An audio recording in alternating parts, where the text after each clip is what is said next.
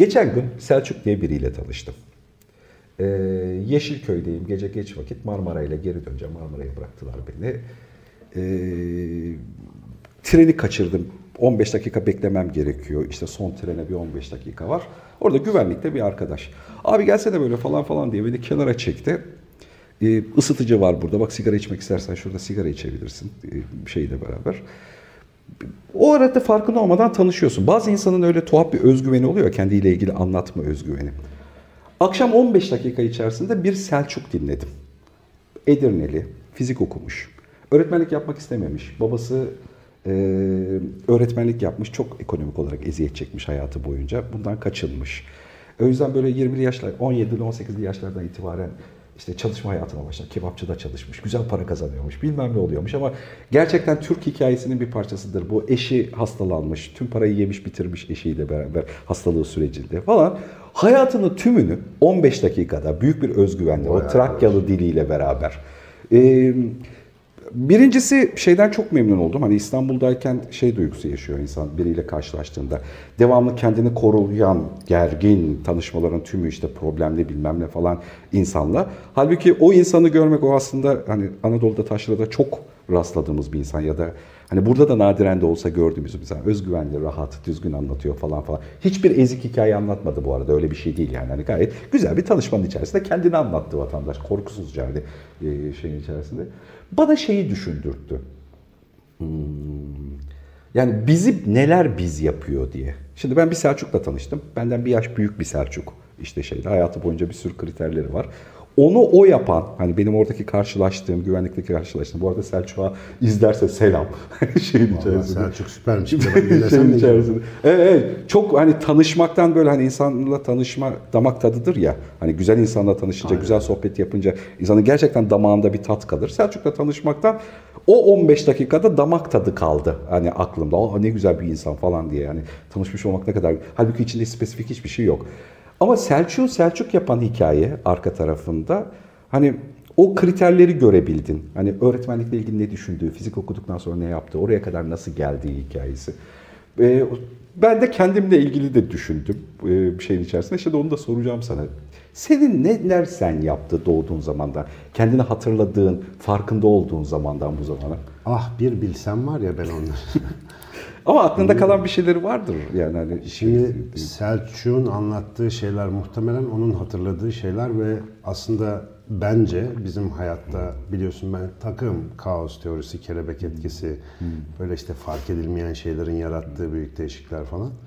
Bizi biz yapan şeylerin çoğunda zaten haberimiz yok Allah'a şükür. Yani olsa düşünsene şu anda mesela şu anda gelecekte ömrümüz varsa bizi biz yapan bir şey şu anda oluyor. Hmm. Ve o ya şu sudan şu yudumu içmeyeydim şöyle olurdu falan gibi bir şey biliyorsak zaten hayat yaşanmaz. Ya hani o kadar küçük ha. şeyler değil ama yani daha kült devam tabii, eden tabii. yani ama muhtemelen mesela, annen konuda bir şeydir mesela bir Hani seni sen yapan şeylerden bir Tabii konu. ki mesela şimdi senin Selçuklu konuşmaya özenme sebebim şu. Ben bir yere gittim dedi. Geçen de Mardin'e gittim. Öyle güzel işte şeyler efendim kasırlar, medreseler şunlarla geziyoruz ama ya bir adamla oturup konuşunca böyle bir aydınlanma geliyor sana. Şimdi o yüzden özendim. Selçuk sana anlattın da aslında sana şunu düşündürüyor. Bana anlatsa bana da aynı şey düşünecek. Ulan bizde de hakikaten neler var. Şimdi kendi hayatına dönüp bakıyorsun geriye doğru. E, herkesin hayatı roman mi ya? Biraz öyle bir şey var. Ya mesela benim bilmiyorum benim e, en çok arkadaşlarım tarafından sopa yememdir herhalde. Yani mahalle çocukları sürekli dövüyordu beni. Ben mesela en majör hani kişilik belirleyici şey olarak bunu görüyorum. Ankara Ettik. Bilen bilir. Yani Çin Çin Mahallesi ile Ettik çocuklarının meydan savaşları ayda iki kere minimum. Oo, doğru tabii, tabii. Vardı öyle. Bizde de vardı öyle bir hikaye. Taş, neler neler. Yani ben böyle olmamış incirlerle falan. Birine kafa atacağım diye o çekilince kaldırıma kafa atıp elmacık kemiklerini dağıtan arkadaşlarım vardı benim yani. Öyle hınca hınç bir ortam. Ya bir şekilde spor gibi böyle kötü düşünmeyelim. Yani şey değil böyle kötülükten dönmüyor insanlar. Bildikleri spor. Enerji atıyorlar. Tabii tabii. Öyle bir yerde şimdi ya dışarı çıkıp bu ekibe katılacaksın ya evde oturup hayat ansiklopedisi okuyacaksın. Benim B şıkkı oldu. E, ve o uzlet hali mesela bana iyi geldi. İyi geldi derken bugün işte seninle şu masada oturup konuşmamı mümkün kılan bir şey varsa bildiğim o böyle toplumdan ayrılma, bir kendi başına kalma falan becerisi. Biraz böyle konuşmakla ilgili yaşadığım sıkıntıları hatırlıyorum. İşte o hep tahtaya ismi yazılıp yanına 10 çarpı konan çocuk ben falan. Böyle bir de hocalar beni biraz sopalamayı severdi. Eskiden hocalar öğrenci dövüyorlardı. Yani şimdiki gençler bilmez onu. Bana bir de vurunca kızarıyordum ben. Çok güzel oluyordu böyle elma gibi bir iki saat falan sürüyordu o. E, hocalar eserlerini gösterebiliyorlardı. Bak ben bunu marizledim falan diye. O yüzden böyle yanımda çarpılar, devamlı sopa yiyen, devamlı böyle şey hani konuşması bastırılmaya çalışılan çocuk modu. E ne olacak? Boş bulduğun yerde konuşacaksın. Sen de sağ ol işte geldin böyle beraber sohbet ederiz. Benim için bulunmaz demiş. Ama onun dışında söyleyeyim. Mesela bak bir hadise var. Bir küçük onu anlatayım. Benim babamın bir arkadaşı babama süre- sürekli kitaplar getirirdi.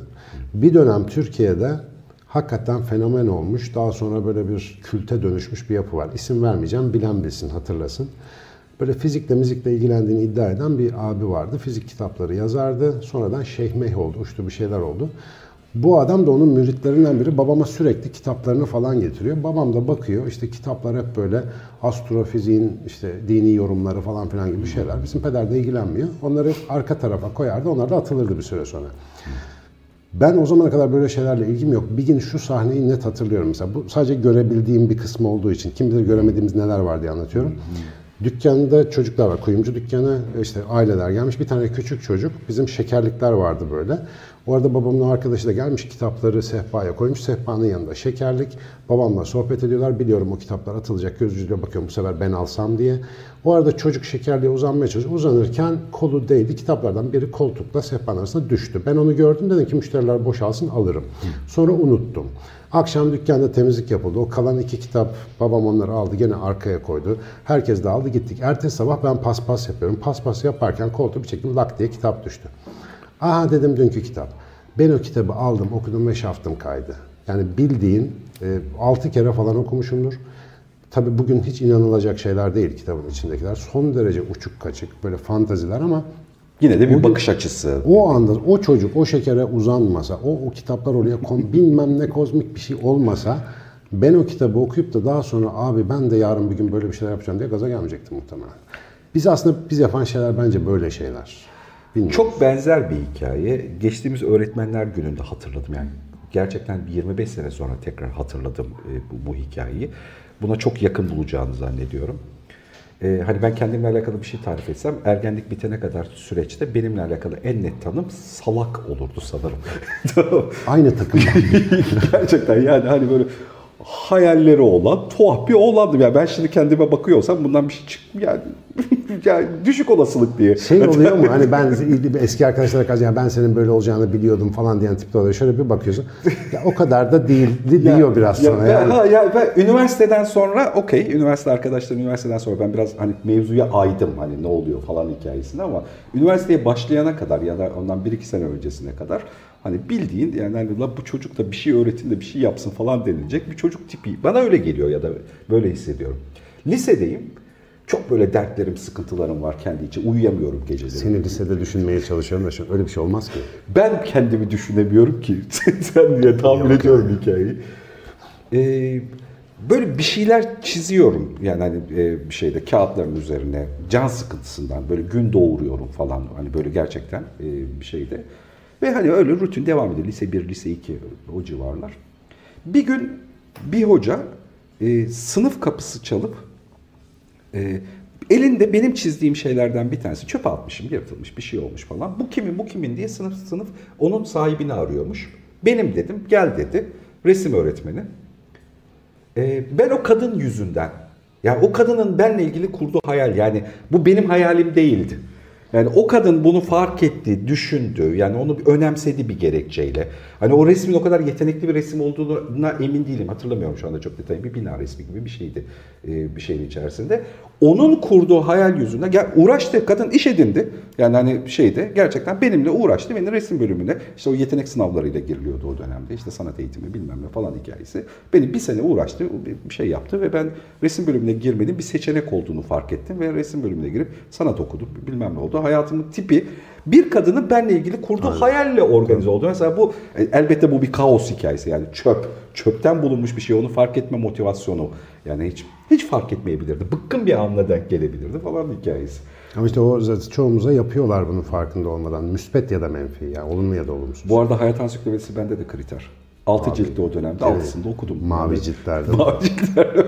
Efsanedir ya. Geçen internette fotoğraflarına baktım böyle eski bir okul yıllığına bakar gibi hayat ansiklopedisi ciltleri satıyorlarmış hala nadir kitaplarda falan. Tabii gençler bilmez ya 20. yüzyıl ansiklopedisi, hayat ansiklopedisi, Meydan Larus.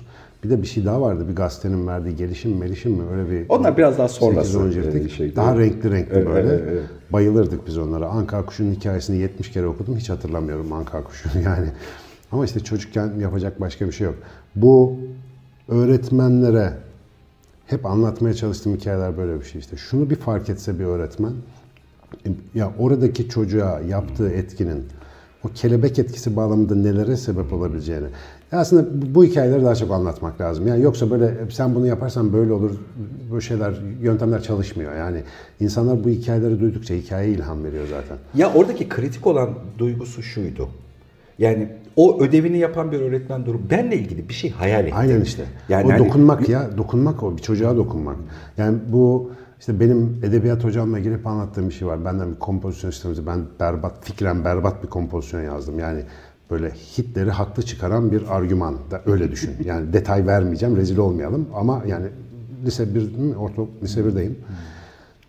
Bir de kadın okuttu bana bunu. Ben bunu okudum sınıfta. Sınıf dehşet içerisinde ama sınıftakiler dondu. Düşün lise çocukları dediler ki bu ne yani? Bu nasıl olabilir? Ve öğretmen ne yaptı biliyor musun? Sema Giritlioğlu bak hala Facebook'ta görüşüyoruz. Sadece bana konuşmaya başladığında tabii kadın şok olmuştu yani yüzünden hatırlıyorum ama sadece şeklen bir değerlendirme yaptı. Dedi ki giriş gelişme sonuç çok güzel. Önce dedi sen mi yazdın? Evet ben yazdım. O kadar soğukkanlı bir şekilde anlattı anlattı. Ben yani kesin fırça yiyeceğim, okuldan atılacağım, disipline vereceğim falan diye beklerken bir insanın görev çerçevesi içerisinde gayet profesyonelce soğukkanlı nasıl davranabileceği, nasıl buradan takdir hisleri üretebileceğine dair inanılmaz bir ders verdi bana. Ondan sonra dersten, yani ders bittikten sonra bana bir şeyler söyledi. Sen dedi gerçekten böyle mi düşünüyorsun? Dedim yok ya falan filan. Yani bir an- Düşünse düşünülür falan. Abi canım yani bizzat profesyonelliği ve pozitifliğiyle benim bütün o duygularımı betona gömebildi yani. Öyle bir yetenek bu aslında. Belki bunu hesaplayarak, kitaplayarak yapmadı. İşte bunu öğretemezsin. Mesleğini seven, hayatını seven, işte muhatabını, öğrencisini seven, yani severek yapan insandan bu otomatik bir şekilde zuhur ediyor. Böyle çıkıyor yani yapacak bir şey yok. İyi hoca e, öğret iyi hoca olmak öğretilebilir bir şey değil. İyi işte bilmem CEO olmak öğretilebilir bir şey değil. İşte o yüzden biraz da galiba hayattaki temel dinamiklere işte o adamları dinleyince, başka hayatları dinleyince o hikayeler o yüzden çok güzel. Yani yemin ediyorum Hollanda'ya gidiyoruz bilmem işte Avrupa'daki ülkelere. Abi taş toprak beni ilgilendirmiyor yani. O adamlarla iki muhabbetin belini kırınca vay diyorsun arkadaş burada neler yaşıyor. Bir de hep şunu yaparım. O çok ilginç geliyor bana. Mesela bir kafenin önünden geçiyorsun Amsterdam'da. Böyle kafede insanlar oturuyor. Yaşlı, genç falan. Özellikle yaşlı birilerini gözüme, yani benden daha yaşlı birilerini gözüme kestiriyorum. Uzaktan onu rahatsız etmeyecek bir şekilde izliyorum. Hal ve hareketlerinden neler yaşadığını çıkarmaya çalışıyorum. Yani nasıl bir hayat geçirmiş. Ha, mutlu mu, mutsuz mu bilmem ne.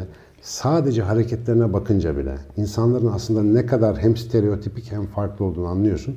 İnsan gezmeden mekan gezilmez yani. Ben onu öğrendim hayatımda. Güzel tarif bence. Aynen güzel. bize bize öğretiyor. Bak o da yani. bir şiir dizisi işte yani. insan. Aynen öyle. Daha önceden bu cümleyi söylemiş miydin ilk defa mı söyledin? İlk defa söyledim. Yani evet. Böyle cümleleri defa- not mu etsek ya? Ee, bir şeyin Ne içerisinde. bileyim ben sağ olsun bazı şey, böyle arkadaşlar cümleleri not mu etsek? Şey, Tabii insan, altı- insan gezmeden ne? şey insan gezmeden mekan gezmenin bir anlamı yok diye daha bir tweetleştirelim bunu. yani turistik gezmenin hakikaten bir yere kadar çünkü sen sürekli kendini götürüyorsun ya oraya benim en büyük rahatsızlığım o kendini değiştirmeden gezdiğin yeri algılayabilmem mümkün değil orası değişik bir yer falan filan. E, bu arada demek öğretmenin adını hatırlıyor musun? Çok trajik olanı hatırlamıyorum bulacağım ama yani. Ya Hani işte bence bulmak lazım çünkü içerisinde- bu inci gibi güzel yazının da sorumlusu aynı kişi mi? Gıcık oluyorum senin not alışına zaten. Ya ana kaligrafi gibisin abi ya. Yani hayır müsveddeni gördüm yani müsved bunu bir de temize çekiyorsan hiç bana gösterme rica edeceğim. Yani bir ara arkadaşlar şu şeyi alırsak yakın planda. Bu sadece takıntıyla alakalı hocam. Ee, liseden bende dönem ödevi var. Ee, hoca üzerine şey yazmış. Dönem ödevi elle yazılıyor o dönemde şeyde. Ee, o dönem bir yıl boyunca ısrar ettim büyük harfle yazdım. Tek bir gerekçem var. Çizgi roman hastasıyım. He, Ee, her, her şey balonların içerisinde büyük harfle yazılıyor o dönemki çizgi romanların içerisinde. Ben o zaman bu yazı tipi daha güzel diye ısrar ettim. Bir yıl her şeyi büyük harfle verdiğim dönem ödevinde büyük harfle yazmışım. E, normalde o dönemde 10 üzerinden not alıyoruz. Hoca 5 vermiş ki dönem ödevinden 5 almak utanç nedenidir. Üzerine de kocaman kırmızı kalemle yazmış yani. Büyük harfle dönem ödevi mi yazılır diye şeyin içerisinde. Lan şöyle bir takıntım olsun çok isterdim ya. Hiç olmadı. Tuhaf bir ısrar yani hani bunu kontrol etme isteği işte yani uzun yıllara yaygın bir hikayede otomatik olarak işte bir şeye İşte yerleştirdi. beynin buraya göre değişmiş. Bak işte bir yapa yapa yani nazar etme ne olur çalış senin de olur. Ya Ben o şu şimdi- 10 bin saat hikayesi bundan sen de şu, bahsediyorsun. şu masada yaptığımız ilk toplantıdan sonra ben evde çaktırmadan böyle böyle çalışıyorum tamam mı? Ama Allah vermemiş işte ben bende bir fobidir bu biliyor musun? Ben mesela notlarımı derste ya da toplantıda not alıyorum ya böyle gizlerim çaktırmadan. Çünkü yazımı sevmiyorum. Böyle hılı falan bir şeyler yazıyorum. Sonuç onu da okuyamıyorum zaten.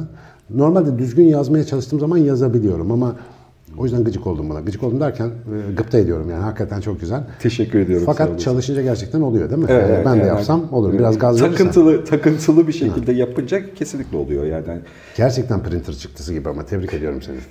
Üslup olarak e, nasıl bir üsluba mesela ben senin yazı tipini gördüm. Sen üsluplusun yazıda. Yani Ah, teşekkür ederim. Yani Üsluplu bir insanımdır.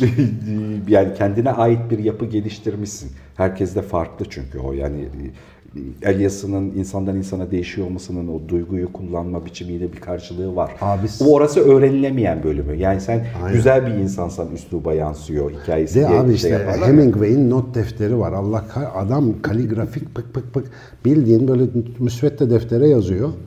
Benim de not defterim var. Çarşamba pazarı gibi yani hiçbir ben şimdi yarın bir gün ünlü bir şey yazsam bir şey olsam not defteri diye çıkarsalar çoluk çocuk vallahi biz bunu tanımıyoruz diyecek. Yani böyle not defteri olmaz. Belki onu, de onu ayıklayıp o kadar güzel hale getirirler ki onlar birazcık tasarımla düzeltilmiş şeyler de. Ama ben Hikayenin senin şeye bakınca belki de şöyle bir şey. O zaman kağıdın kalemin az olması.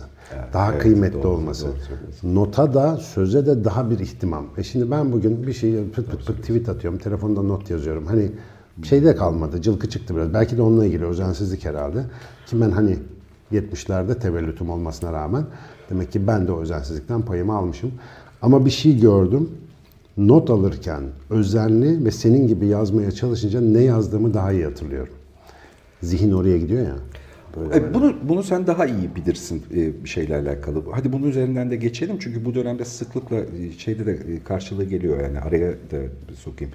Şu yazarak öğrenme, yazmayla öğrenmenin bunun içerisinde bir önemli bir paydası var. Olmaz olur mu? Çok ciddi bir sorun yaşıyoruz aslında. Dijitaldeki yazdıklarımızı hani işte bilgisayarda notlar bölümü var. Tonlarca not alıyorum hikayeyi ama oradaki aldığım notla benim defterlere aldığım notun arasında gerçekten bir statü ayrımı var. Yani buradakilere daha önemli bir yerden aristokratlar olarak bakıyorum. Buradaki notlarda ama bir ara gözden geçiririm diye bakıyorum. O abi şey, şey tutuyorlar ya şimdi amfilerde falan fotoğraflar öğrenciler hepsinde bilgisayar, tablet açık not oluyor. Yüzde otuz hatırlama oranı daha az. Yani bir klavye aracılığıyla not aldığında ne Neden? kadar dikkatli. Şöyle şu kalemi tutma işi. Şimdi benim değişen belimde bir yer var. Ee, başlığı çok havalı geliyor ama çoğu insan o bölümü sonuna kadar okumuyordur diye düşünüyorum. Birkaç tane böyle geri bildirim aldım. Düğme iliklemenin biyomekaniği diye anlattığım şey tek bir düğmeyi nasıl ilikliyoruz? Her sabah şuursuzca en az 8-10 kere yaptığımız hareket. Fakat baktığında o düğme ilikleme yapay zeka açısından bir problem. Biz mesela robot kollara hala düğme ilikletmekte çok zorlanıyoruz. Çünkü düğme ilikleme çok zor. Yazı yazmak da öyle. Beyindeki karşılığına bakarsan yazı yazmanın şu elle şu kalemi tutup da burada bir takım hareketleri yapabilmek ve bunu düşünmeden yapabilmek için beynin özellikle motor kontrol alanı dediğimiz koca bir alan var. Motor planlama ve kontrol alanları caldır caldır çalışıyor. Bunu şöyle söyleyeyim, sobanın en çok ısındığı hal e, şey yazma, yazı yazma ve beyni ciddi meşgul ediyor. Kağıda biz elimizle malum yazı yazarken kendimize özgü işte o yazı karakteriyle yazmamız. Mesela bunun ilginç bir sonucu var. Ayağınla yazı yazmayı öğrenebiliyorsun. Ayağına kalem sıkıştır, bir ay iki ay uğraş yazıyı yazıyorsun. Yine Var benzer, örnekler hatta. tabii, tabii, yine benzer karakterlerle yazıyorsun. Yani o ayağının, elinin falan durumuyla ilgili değil. Bir de herkes bilir işte sen kağıda böyle yazıyorsun. Şimdi bir kalem ya da tebeşir versen tahtaya yazdırsam üç aşağı beş yukarı aynı şeyleri yazacaksın görüntü olarak. Bu bir motor program. Sana has. Beynin içerisinde o program çeşitli kaslarla, birinde omuz kasları, birinde el kaslarıyla şeye giriyor. Şimdi bu program aynı zamanda senin desen olarak buraya çizdiğin o sözlerin, simgesel dilin beynine de geniş bir alanda işlenmesini sağlıyor. Bir hatıra beyinde ne kadar çok alanı aktive ederse o kadar kalıcı. Zaten bunu görüntülemeden biliyoruz. E şimdi sen yazarken caldır caldır yanıyor beyin. E dolayısıyla bunları beynine yazmış oluyorsun aslında kağıda değil.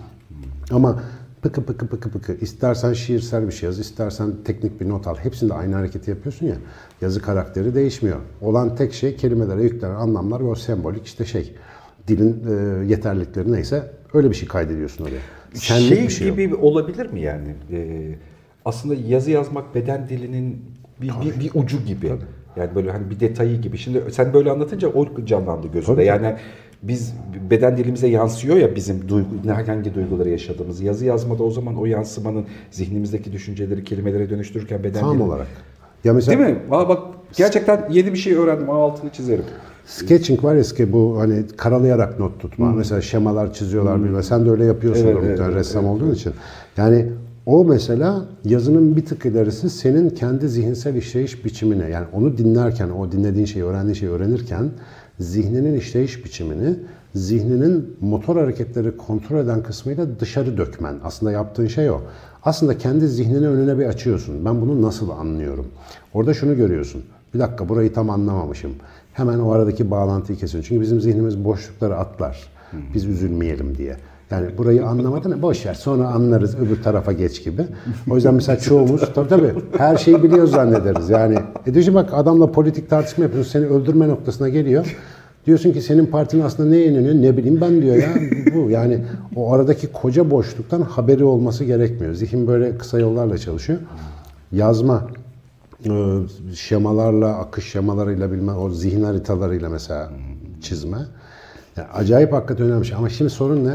Ya ben bunu niye böyle anlatıyorum? Yok bu artık. Kağıt kalem yok. Yakında bir herhangi bir ara birim de yok. Yani konuşacağız, o tekste dönüştürülecek metne. Bir yerde duracak. Teknolojisini gördüm filan. bu arada medya takip merkezinde. Artık tamamen sesi çatır çatır tekste dönüştürüyorlar. yani. Türkçe'de de bayağı başarılı. Evet evet evet kadarıyla. Türkçe versiyonuyla yani artık televizyon akışını tekste dönüştürüyor. Tabii. Hata oranı da işte belli standartize edilmiş halde falan. Ve yani ne olacak? Ondan sonra bu işte bu searchable text hikayesi var ya. Şu bilgi nerede geçiyor sana diye sana 130 tane getirecek. Ama insanlar bak şunu göremiyorlar. Bu medya takip sistemleri ya da bilişimciler için söylemiyorum. Sıradan insanın şöyle bir sorunu var. Şu anda bilgisayarınızda işte benim e, tabletimde 3000 tane falan kitap var. Ama bir gün tabletimden şöyle bir şey gelmiyor. Abi bendeki kitaplardan ortalama çıkarttığım sonuca göre insanın hayatı mantar gibi bir sonuç vermiyor bana. Onları benim okuyup kafada birleştirip yeni bir fikre dönüştürmem lazım. Dolayısıyla bu kadar veri depolamanın bize insan olarak çok bir faydası yok. Geriye dönük olarak factleri bulabiliyoruz, sayıları bulabiliyoruz, analiz edebiliyoruz ama fikir üretme yeteneğimiz iyi diş oluyor. Çünkü hafıza yerine orayı kullanmaya başladık. Bu problem. Bu hafızayı zorlamazsan sistem kendi arasında bağlantı kurmuyor. Seninle şu balkonda bir muhabbet ettik hatırlıyor musun? Sen bana anlam nedir diye sormuştun. Yani o hikayeyi kurgulayıp bir kafanda hikaye oluşturamazsan, o hikayeyi böyle zenginleştiremezsen aklın küçülüyor. Çünkü akıl o hikaye, e, o işte anlamı hikayeye bağlama yeteneği. Bunu bu tip yeteneklerimizi kaybettikçe de kaybedeceğiz. Böyle bir felaket senaryosu gibi anlatmıyorum. Durum bu, tespit bu. Buraya gidiyoruz. Ha, sonuçlar olacak ve katlanacağız buna. Ama bu döngüden çıkan, mesela şöyle yazı yazabilen çocuklarımızın sayısını belli bir düzeyde korumamız lazım en azından. Çünkü onlar estetik üretebilecek. Bunun üzerine e, bir şeyi eklemek istiyor da canım. Ya da daha doğrusu merak ediyorum. Buna bir gelişme diye de bakması mümkün ya. Zihnimiz Tabii. aslında yani hafızamızın yapısı büyüyor. Çünkü artık gigabaytlarca bir şey barındırıyoruz. Bilmem ne yöntemler değişiyor. Bir şey olacak. Bu işte vücudumuza entegre ettiğimiz dijital malzemelerle belki bir şey olacak. Ya da hayır biz bir yöntem geliştireceğiz. Beynimizi kullanma yöntemlerini değiştireceğiz. Hani buna adapte olacağız. Ee, bunların hayal ürünü olduğunu biliyorum. Sadece üzerine düşünmek için. e, Çok söyledim. yakın. Çok hiç hayal ürünü falan değil. Çok yakın. Ee, Yarın. şeyde. Yani hani belki de hani bunu bir seçenek olarak masaya almak istiyorum. Benim de kültürüm şey diyor. Bu şu anda ya da önümüzdeki birkaç yüzyıl daha bir seçenek bile değil. Üzerine konuşmaya gerek yok diyor hani ana kültürüm. Ama yani hani akıllıca olmak istediğim taraf da şey diyor ya bunu da düşünmek lazım. Yani belki de çocuklardan yaratıcılık adına, fikir geliştirme adına beklediğimiz şey belki de artık el yazısıyla ilgili değil. Başka bir kriter olabilir mi? Hani Bak sorusu. işte. İşte burada kadim bilgi bastonuna Ha, işte. asasına ihtiyacın var. Ee, keşke hatırlayabilsem Mehmet Akif Ersoy'un mealen hatırlıyorum ama insanoğlunun bir rahatsızlığı var. Tedenniyi terakki vehmeder. Şimdi meali şerifi şu. Tedenni gerileme, terakki ilerleme. Biz bazen gerileme ilerleme zannederiz. Yani öyle bir zannımız vardır. Neden? Yeni bir şey buluruz. Hani böyle boncuk bulmuş gibi ona sarılırız. Bir süre sonra aslında bunun hiç de yeni ve hiç de iyi bir şey olmadığını acı bir tecrübeyle anlarız. İşte bugün geliştirdiğimiz teknoloji ve medeniyetin şu anda dünyaya yaptığı şey aslında bir tedennidir. Geri gidiştir. Neden? Dünya sisteminin, evrensel o dünyanın ekosisteminin canına okuduğumuz bir tercih oldu bu. Yani biz yaptık bu tercihi. İşte kapitalist ekonomi, aşırı üretim, işte denizler plastikle kirleniyor, o asitleşiyor, carçurt. Bu aslında geriye gidiş. Ama git 200 sene öncesine sanayi devrimi sonrası e, teknoloji bilmem ne. Aa işte o zaman yazılan şeyler hep ne diyordu? Daha ileri daha ileri uzaya kentler kuracağız. Şu anda dünyada yaşayamıyoruz, gidemiyoruz da. Dolayısıyla bu aslında bir gerileme. İnsanın bu zannını, bu temel arızasını bildikten sonra bir kere bu ilerlemeye başka bir gözle Sen bakabiliyorsun. kapitalizmle mi suçluyorsun? Hayır. şimdi? Bu hepimiz hiç hiç hiç. Şaka Bak, yaptım, dur. Sen ben. Ama bak bu dinleyen öyle diyor biliyorum. Sen onu onu aldın. Şimdi dinle bir dakika lan diyor. Yani biz düşünemiyor muyuz bunu? Ama düşünemiyoruz. Günlük hayat bizi hep ileriye bir bugünkü sıfır noktasından bakmaya zorluyor. Halbuki bir kadim hatırlatmalar var. Masallar, söylenceler, işte her türlü efsaneler, anlatılar. Bunun için zaten. Biz bugünden sonra ileri baktığımızda hakikaten o işte biyo bilmem nelik çipler, insan bedeninin modifikasyonu, vırt zırt hakikaten ilerleme. Ama teknolojik ilerleme. Bakalım insani anlamda ilerleme mi değil mi göreceğiz. Ben hiç korkmuyorum bak gelecekten. Ya ben iyimser, hastalıklı iyimser bir adamım. Çünkü yani insanın iyi bir şeyler becereceğine eminim. Yani başına sopa yiye yiye becerecek ama yani becerecek bir şekilde. Fakat bu gidişi bu haliyle, saf haliyle ilerleme gibi görme saf dilliğini de uzaktan tebessümle izlemeyi tercih ediyorum. Yani biraz daha yaşlanır ve bilgi hale gelirsem hiç umursamayabilirim ama şu anda da bir alaycı alaycı bir gülesim geliyor bu duruma. Senin alaycı gülüşünü cebime alarak yine de bu konuyla alakalı bunu hep kontrollü tutacağım. Hani şu gelecekle alakalı E, tabii hikaye. ki, yani. yani yoksa onu hayal etmiyor olsak da yani başka şeyler ilerlemediğini düşünüyorum ya da gelişmediğini düşünüyorum. E, tabii yani ya da bu adam- konuyu seni bu, bu taraftan kaşımak hoşuma gidiyor. Abi sen laboratuvarda çalışan, mesela Intel'de çip yapan falan adama her gün kulağına kadim bilgi anlatırsan uçar gider hiçbir inovasyon yapamaz orada. Bırak onlar coşsun, bir şeyler üretsin, bir denesin. Ama insan istiyor ki mesela karar vericiler biraz daha bilge olsa. Ha, ha. Ya dese ki abi tamam aferin çocuğum güzel yapmışsın al sana işte şu kadar para al ödül git yat aldım ada aldım sana git orada yaşa. Ama biz bu teknolojiyi şöyle kullanalım. Biz bunu böyle bir politika içerisinde kullanalım. İşte e, Platon'un o şey var ya felsefe, filozof devleti, yani filozofların yönettiği devlet. O İtopya'da bunların hepsi bir ilerleme olurdu. Ama şimdi başı kesik tavuk gibiyiz işte ne gelirse aha ay falan.